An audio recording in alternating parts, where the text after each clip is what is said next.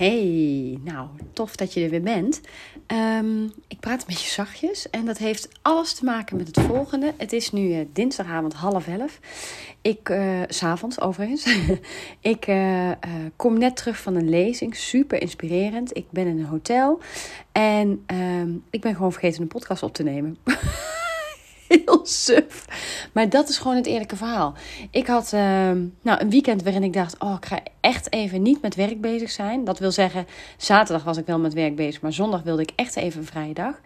En. Uh, nou, daardoor is mijn planning in, in de war gekomen en had ik het gewoon niet scherp. Dus ik kom net mijn hotelkamer binnen en ik denk: kak, ik heb helemaal geen podcast opgenomen. Dus um, ik dacht: ik ga het wel even doen. Dan beloofd is beloofd. En uh, in principe krijg je altijd van mij, en volgens mij heb ik er nog geen eentje verzaakt, uh, op woensdag van mij een podcast. Dus ook morgenochtend over een paar uurtjes staat er gewoon een podcast voor jou online. En ik dacht, oh ja, onderwerp, ik heb het niet voorbereid, ik ga er niet over nadenken. Uh, nou, mijn hoofd doet het ook eigenlijk niet meer echt heel erg goed. maar ik dacht, ja, hoe tof is het als ik gewoon met je deel waar ik vandaag geweest ben? En um, ik ben dus bij uh, het Brain Manners Instituut geweest vanavond. Um, daar had ik een, nou, een, een, lezing of een inspiratiesessie over het puberbrein. En uh, nou, niks boeienders dan pubers. Ik heb er uh, zelf twee stuks in huis, zoals je weet. Um, het zijn heerlijke kinderen en soms word ik knettergek van ze. Krijgen steeds meer hun eigen leven. Dat ik denk, waar zijn die leuke lieve kleine jongetjes van vroeger? Want nou, het loopt in en uit, het doet. En natuurlijk weet ik ook prima dat dat helemaal gezond is, dat dat helemaal zo hoort. Maar dat wil niet zeggen dat mijn moederhart af en toe echt nog snakt of verlangt naar gewoon twee fris gewassen kereltjes in een pyjamaatje op een bank zonder mobiele telefoon. Um, en die gewoon met hun moeder een spelletje willen doen. Nou, dat laatste lukt gelukkig af en toe echt nog wel. Um, maar ik dacht wel, het is leuk om me nog eens wat verder te verdiepen in dat brein en de breinontwikkeling. Dus vandaar een inspiratiesessie daarover. En omdat ik morgen ook hier in Rotterdam een uh, opleidingsdag heb, dacht ik, nou, dan blijf ik hier gewoon lekker slapen. Dus ik heb man lief gevraagd om een hotel voor me te regelen. Dat besteed ik tegenwoordig allemaal lekker uit. nee, dat had echt meer te maken met dat het gewoon hele hectische weken zijn. En morgen is de laatste hele lange dag. Um, en dan wordt het echt iets rustiger in mijn agenda. Dat is ook een bewuste keuze, omdat ik dacht, nou, dit ga ik niet meer heel lang zo volhouden. En ook daarin doe ik dat natuurlijk helemaal zelf. Dus dat is niks van medelijden.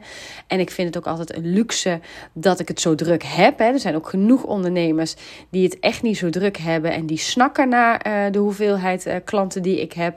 Um, dus daar hoor je me echt niet over klagen. Maar ik weet natuurlijk ook heel goed dat het een beetje beter voor me is als ik. Uh, nou, het ietsje rustiger aan ga doen. Dus dat ga ik proberen. Uh, na, wat zeg ik dus? Na morgenavond, zeg maar. Dus uh, nou, ik ben benieuwd of dat gaat lukken. hey, en ik was dus bij die uh, avond over het puberbrein. En wat ik wel mooi vond, is dat we eigenlijk meteen te horen kregen... We hebben eigenlijk helemaal geen gebruiksaanwijzing van ons brein gekregen...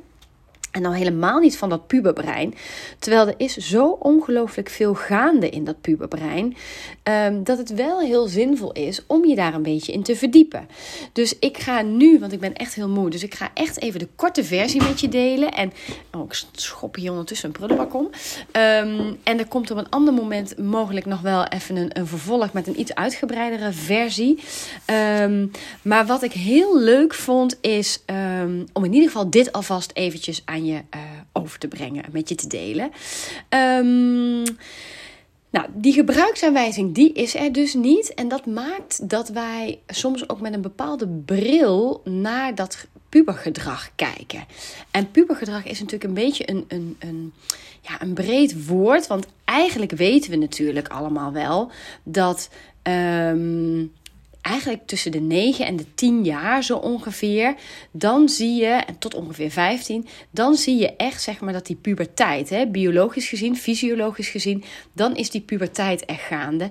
Daarna, dus die 16, 17, 18-jarigen die we dan ook nog wel eens wegzetten als ach jij puber of doe toch niet zo puberachtig of van een pubergedrag.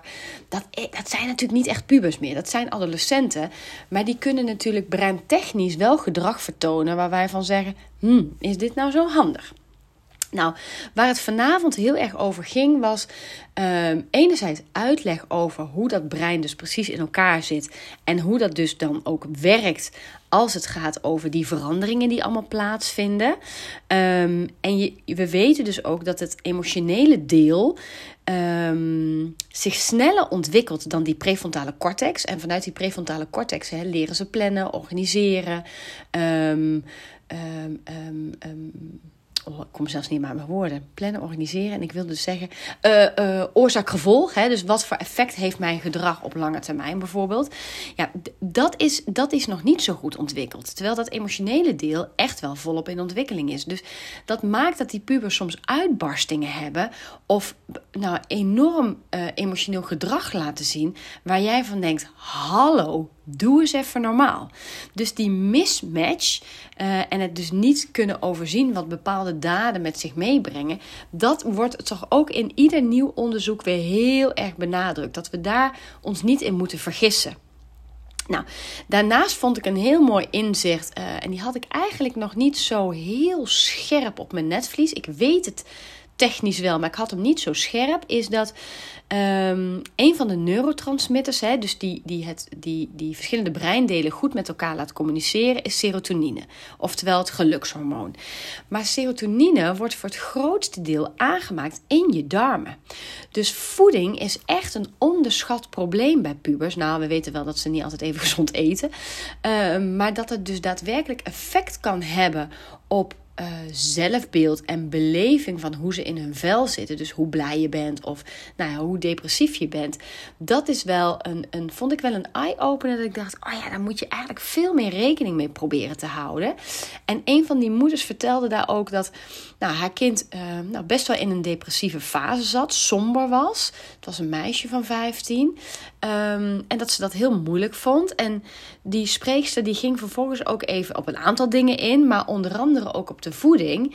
En toen bleek inderdaad dat zij.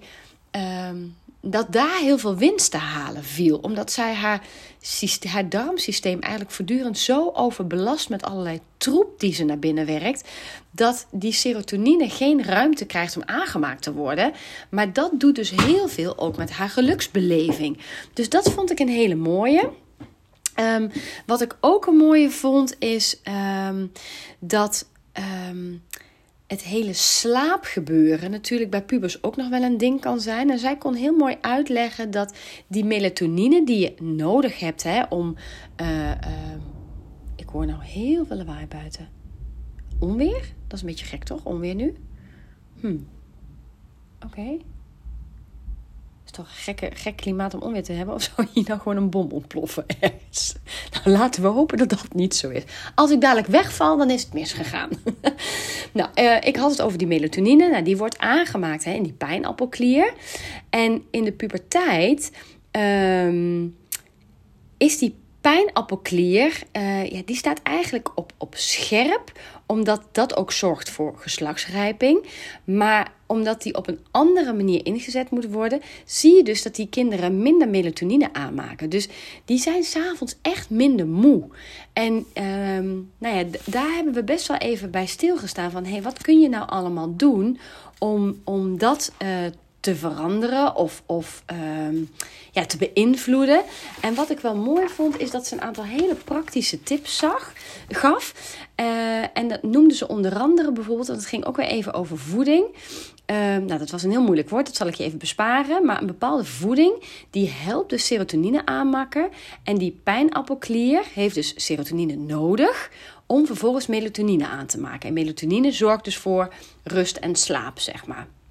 Nou, dus hij had het over banaan, uh, eieren, pulvruchten, noten, zaden.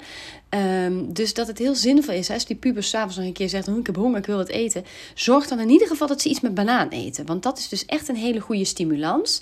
Wat ik ook een mooie vond, die ik ook niet zo goed wist... Ik deel nu vooral even de dingen die voor mij ook heel interessant waren. Um, natuurlijk weet ik wel dat daglicht overdag heel uh, gezond is. Maar wat ik me niet zo realiseerde is dat er heel veel pubers zijn. En, en bij mij thuis niet, maar ik weet wel dat ze er zijn, die overdag vooral alles potdicht houden. Vooral niet te veel licht in de tent. Dus die zitten op hun kamer met een rolluik of met een, een verduisteringsgordijn, wat ervoor zorgt dat hun uh, hoeveelheid daglicht eigenlijk te weinig is, minimaal is. En dat remt dus ook weer de melatonine aanmaak. Nou, telefoons hoeven we het niet over te hebben. Hè. Telefoons voor het slapen gaan is echt ruk. Laat ik hem zo maar even noemen. Ehm, maar ook bijvoorbeeld hè, dat s'avonds voor het slapen gaan niet meer fanatiek sporten. Uh, dat het dus eigenlijk heel belangrijk is dat we willen dat al die pubers lekker bewegen. Dus hè, die willen we naar voetbaltraining hebben, die willen we naar tennis hebben, weet ik veel wat ze allemaal doen. Um, maar vervolgens willen we eigenlijk, dan komen ze om bij wijze van spreken half tien thuis of tien uur. Ja, dan willen we eigenlijk dat ze gaan douchen en naar bed, want ze moeten dus ochtends weer kei vroeg uit. Maar dat lukt dus niet, want dat sporten zorgt dus weer voor een remming op die melatonine aanmaak. Um, en dan zijn ze dus gewoon wakker. Dus die, ja, ze kunnen ook echt niet goed slapen dan. Alleen s ochtends zijn ze hun bed niet uit te slaan. Dus nou, dat is echt een moeilijk evenwicht in, in deze periode. Nou, wat ik ook een mooie uh, vond, was dat je slaapritme eigenlijk al start op het moment dat je opstaat. Dus nou, hoe zorg jij voor de prikkels die je tot je neemt? Hè? En zij gaf het mooie voorbeeld hè, dat wij, wij als volwassenen overigens ook, hè, als ouders, als opvoeders, eigenlijk meteen het een van de eerste dingen die we doen over het algemeen, hè, uitzonderingen daar gelaten, is die mobiele telefoon grijpen. Dat geeft meteen weer een stofje of dat op dat kortdurende beloningssysteem. Dus ze gaan de hele dag al, ja, ik, ik, ik noem het even in mijn eigen woorden, trippen ze al op die eerste 10 minuten van hun dag. Terwijl ze duiken meteen, bij wijze van spreken, in de woonkamer van een ander, maar komen helemaal niet tot zichzelf in dat wakker wordt proces. Die vond ik ook wel heel helder. Um, en wat ik ook een leuke vond, hè, naast dat we natuurlijk echt wel weten dat ademhalingsoefeningen goed zijn. Maar ja, breng een puber maar eens aan een ademhalingsoefeningen. Uh, en toen zei zij terecht, ja, zegt ze, maar het is ook een beetje welk voorbeeld krijgen ze. Hè? Dus wat ik ook heel vaak benoem, hè, hoe gejaagd ben jij, hoe gehaast ben jij, neem jij bewust rust, zien kinderen dat, neem jij even afstand van je mobiele telefoon, zien kinderen dat, uh, plan jij bewust momenten in waarop je even niks doet of, of echt op zoek gaat naar, naar echte ontspanning. Hè. Dan bedoel ik dus niet afleiding, want dat is bijvoorbeeld Netflix. Hè. Dan ga je afleiding zoeken. Maar echt die diepe ontspanning in je brein. Ja, welk voorbeeld krijgen ze dan ook van ons? En ik denk dat we daarin best nog wel een slag kunnen uh, slaan. Een andere die ook interessant was, is Um, dat pubers natuurlijk heel erg gericht kunnen zijn op zichzelf en heel erg egoïstisch kunnen zijn en de wereld draait om hun. En zij gaf het mooie voorbeeld dat pubers ook letterlijk de hele dag in de spiegel willen kijken eigenlijk. En kijken ze niet in de spiegel, dan kijken ze wel in een mobieltje, want dan moet er weer een, een selfie gemaakt worden of een Snapchat verstuurd worden of nou noem maar op. En dat dat dus eigenlijk een normaal proces is, ook een gezond proces. Niet per se heel lekker voor de omgeving. Maar eigenlijk komt dat erop neer dat het brein is zich klaar aan het maken voor het volwassen leven. Dus het brein moet een zelfstandig individu worden. Dat betekent dat je meer gericht moet zijn op jezelf. En in die puberteit slaat dat dan dus gewoon een klein beetje door. En um, nou ja, dat vond ik ook wel dat ik dacht: oh ja, ik vind het soms zo bloedirritant dat ze dan alleen maar drinken voor zichzelf pakken. Of alleen maar uh, uh, hun eigen bordje naar de keuken brengen. Um, maar zij gaf wel eigenlijk heel mooi aan van ja, natuurlijk kun je daarin wel kinderen um, iets leren en aangeven: hé, hey, ik vind het prettig als. Maar het, gaat niet, het is niet gek dat ze het doen vanuit die aansturing, zeg maar. Dus die dacht ik: oh ja, daar hoef ik me dus ook minder op tegen gaan ergeren, want dit is gewoon hoe het werkt. Nou, um, wat ik ook een hele interessant, nou niet interessant, want dat weet ik natuurlijk wel, maar wel dat ik dacht, oh ja, weer een bevestiging. Ik hamer daar altijd op, maar um, nou, ik werd hem nu, kreeg hem nu ook alweer bevestigd dat in die leeftijd dat, je, uh, dat kinderen het heel belangrijk vinden dat ze ja, min of meer als gelijke gezien worden. Dus dat het belangrijk is dat je op die leeftijd naast je kind gaat staan en niet altijd boven je kind gaat staan. Want die hiërarchie, daar zijn ze rete gevoelig voor. En uh, dan voelen ze zich vaak ook eigenlijk de mindere. En op het moment dat zij zich de mindere voelen, voelen ze zich onveilig. En die onveiligheid zorgt ervoor dat ze dingen niet meer vertellen, dat ze uh, uit het contact gaan, omdat ze toch altijd het gevoel al hebben of krijgen, onbedoeld soms. Um, ik doe het niet goed, ik ben niet goed. Uh, mijn ouders vinden dat ze het altijd beter weten. Terwijl als je veel meer naast een kind gaat staan en oprecht vragen stelt of vanuit oprechte interesse een gesprek aangaat, dat je vaak veel meer kunt bereiken dan de uitspraken: zie je nou wel, hoe kun je nou zo dom zijn? Ik zei toch dat? Nou, noem allemaal maar op. En weet je, daar trappen we allemaal een keer in in die valkuil. Maar dat heel bewust naast iemand gaan staan, Zeker in die puberteit. Wat niet wil zeggen dat je dus geen grenzen stelt. Je stelt wel duidelijk grenzen. Maar moet alles nou echt op jouw manier? Um, of kun je ook een beetje je battles kiezen. Hè? Dus choose your battles. Waar maak je nou echt een issue van? En wat laat je gewoon even ook voor wat het is? Want die pubers worden doodmoe van het feit dat wij iedere keer het op onze manier willen. En dan is het denk ik ook heel mooi dat wij um, zelf vanavond weer echt bewust gemaakt werden op. Maar moet het nou wel op de manier zoals jij het wil? En waar komt die overtuiging vandaan? Um, ik vond het heel mooi om te zien dat uh, en ik moest ook heel eerlijk gezegd een aantal keer op mijn handen gaan zitten. Want dan wil ik heel erg vanuit mijn eigen professionele rol reageren op opvoedthema's, opvoedissues. Terwijl het, het doel was echt hè, om dat brein te leren begrijpen. Dus dat was voor mij best een moeilijke.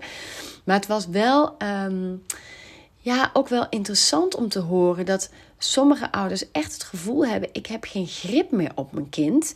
En nou ja, A ben ik dan heel blij dat ik dat anders ervaar. En B vind ik het ook heel schrijnend om te zien hoe ouders struggelen. En kan ik me ook zo voorstellen dat het soms zo'n gevecht is thuis. Um, maar dat het wel belangrijk is om te kijken naar, maar hoe staan wij in dat gevecht? Want waar twee vechten hebben twee schuld, even een dooddoener. Maar dat is natuurlijk wel zo. Dus als wij voortdurend strijd hebben met die pubers wat zegt dat dan over hoe wij ook het contact aangaan? En kunnen we daar dingen anders in doen, waardoor de strijd een beetje uit het gezin gaat? Nou, eentje die daar heel helpend in kan zijn en die ik ook heel vaak adviseer is: geef ze een keuze. Geef ze een keuze tussen twee dingen. Dus ga jij eerst uh, nou, de, je was opruimen en dan gamen, of ga je eerst gamen en dan je was opruimen? Op het moment dat jij namelijk een keuze geeft, heeft een kind het gevoel dat hij zelfbeschikking heeft. Hè, dat hij ook nog een vinger in de pap heeft, om hem maar even heel erg plat te slaan. En zelfbeschikking zorgt ook echt voor een betekenisvol gevoel, een betekenisvol leven. Um, dus daar waar wij in eerste instantie met jonge kinderen heel erg zitten op we doen het zoals ik het wil, kan dat in die puberteit niet meer. Moet je dat dus ook niet willen. En het is dus heel prettig voor het brein om een keuze uit twee dingen te mogen maken. Um, omdat je daarmee het gevoel van zelfbeschikking heel erg stimuleert. Dat vindt het brein heel fijn. En dan ontstaat er dus automatisch minder strijd. Dus nou, ik ben heel benieuwd of je, uh, of je daar iets mee kunt en, en hoe dat voor jou werkt. Nou, we hebben het ook nog even gehad over overprikkeling uh, bij kinderen. Um, en nou ja, we, we, weten allemaal, dat heb ik ook al een aantal keren benoemd in de podcast, dat overprikkeling echt wel een groot probleem is op dit moment. Je hoort misschien blaadjes ritselen, maar ik probeer even nog te kijken, terug te halen, wat hebben we nou allemaal gedaan? Um, en die, die overprikkeling kan bij pubers zich echt weer anders uiten dan bij jonge kinderen. Um, en nou ja, een aantal dingen die bijvoorbeeld gezegd werden, wat kun jij doen, is dat je bijvoorbeeld je puber ook leert dat, dat je ook nee mag zeggen als ze iets bijvoorbeeld even niet willen afspreken. Hè? Dus, um, maar dat betekent ook dat jij af en toe moet accepteren dat ze nee zeggen tegen jou. En dat is natuurlijk een hele moeilijke. Dus daarin. Um, willen wij graag dat ze alles doen wat wij zeggen. Maar we willen ze ook een stukje zelfbeschikking leren en, en uh, um, eigen keuzevrijheid. Maar thuis moeten ze wel doen zoals ik het wil. Ja, die staat natuurlijk een beetje haaks op elkaar. Dus nou ga daar eens naar op zoek. Hoe, hoe werkt dat bij jou? Um, wat ik ook een hele mooie vond, hè? hoe kun je nou je kind uh, een beetje beschermen tegen overprikkeling of helpen bij overprikkeling, is dat we ze leren, en dat moeten wij echt doen als volwassenen, wat nou echt ontspannen is en waarom dat zo belangrijk is.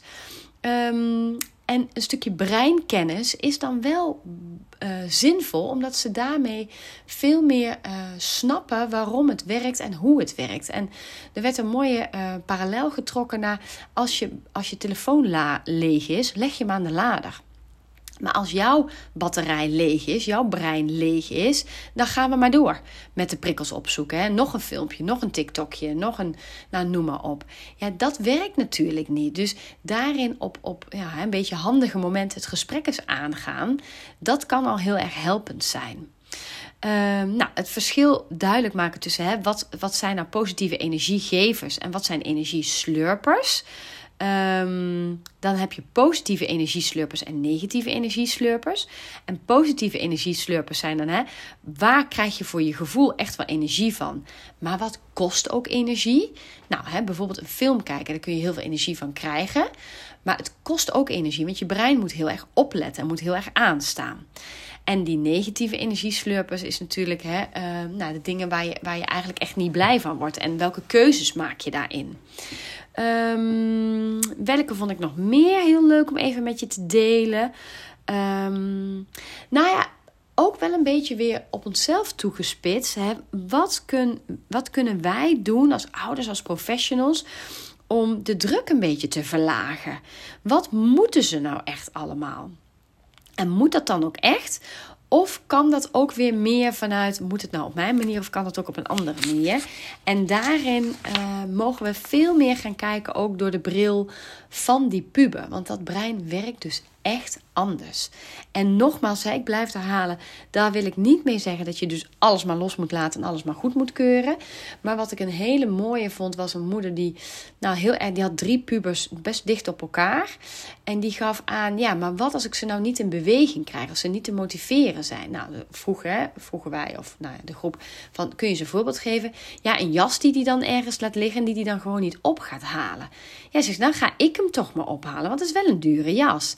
En toen kwam natuurlijk heel veel reactie uit de zaal vanuit, ja, maar dan los jij het op. Dus op deze manier gaat hij echt niet leren dat het zinvol is om op zijn spullen te letten. Want het wordt toch wel opgelost. Er komt toch wel een andere jas of een nieuwe jas.